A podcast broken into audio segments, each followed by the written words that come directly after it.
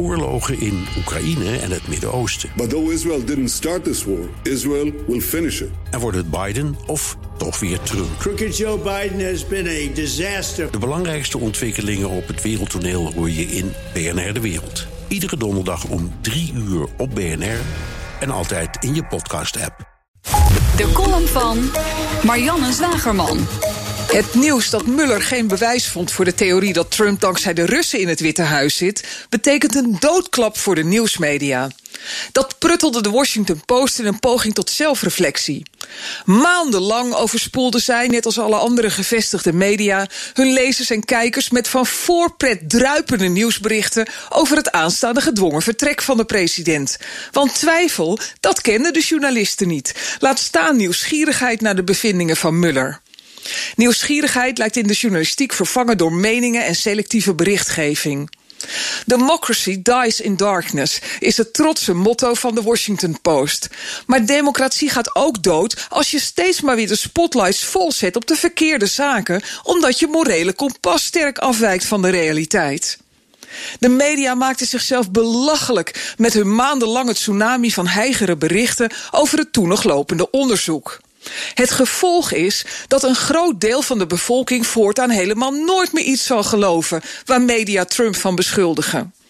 Dat is namelijk wat er gebeurt als je jezelf met een kanon in je voet schiet. Dan liggen je handen er ook af en is je toetsenbord waardeloos geworden.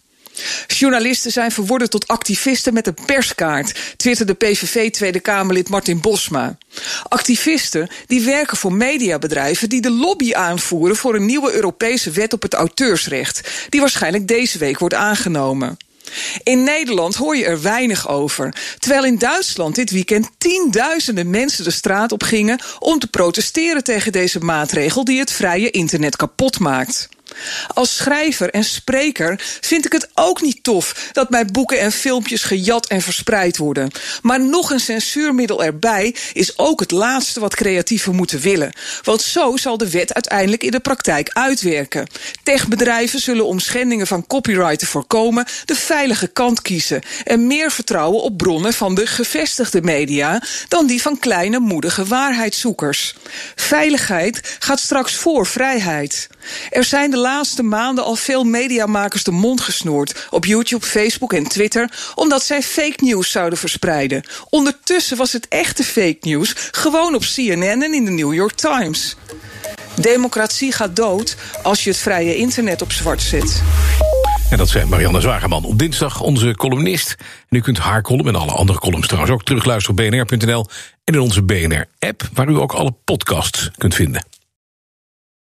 Ook Bas van Werven vind je in de BNR-app. Ja, je kunt live naar mij en Iwan luisteren tijdens de ochtendspits. Je krijgt een melding van Breaking News. En niet alleen onze podcast Ochtendnieuws, maar alle BNR-podcasts vind je in de app. Download nu de gratis BNR-app en blijf scherp.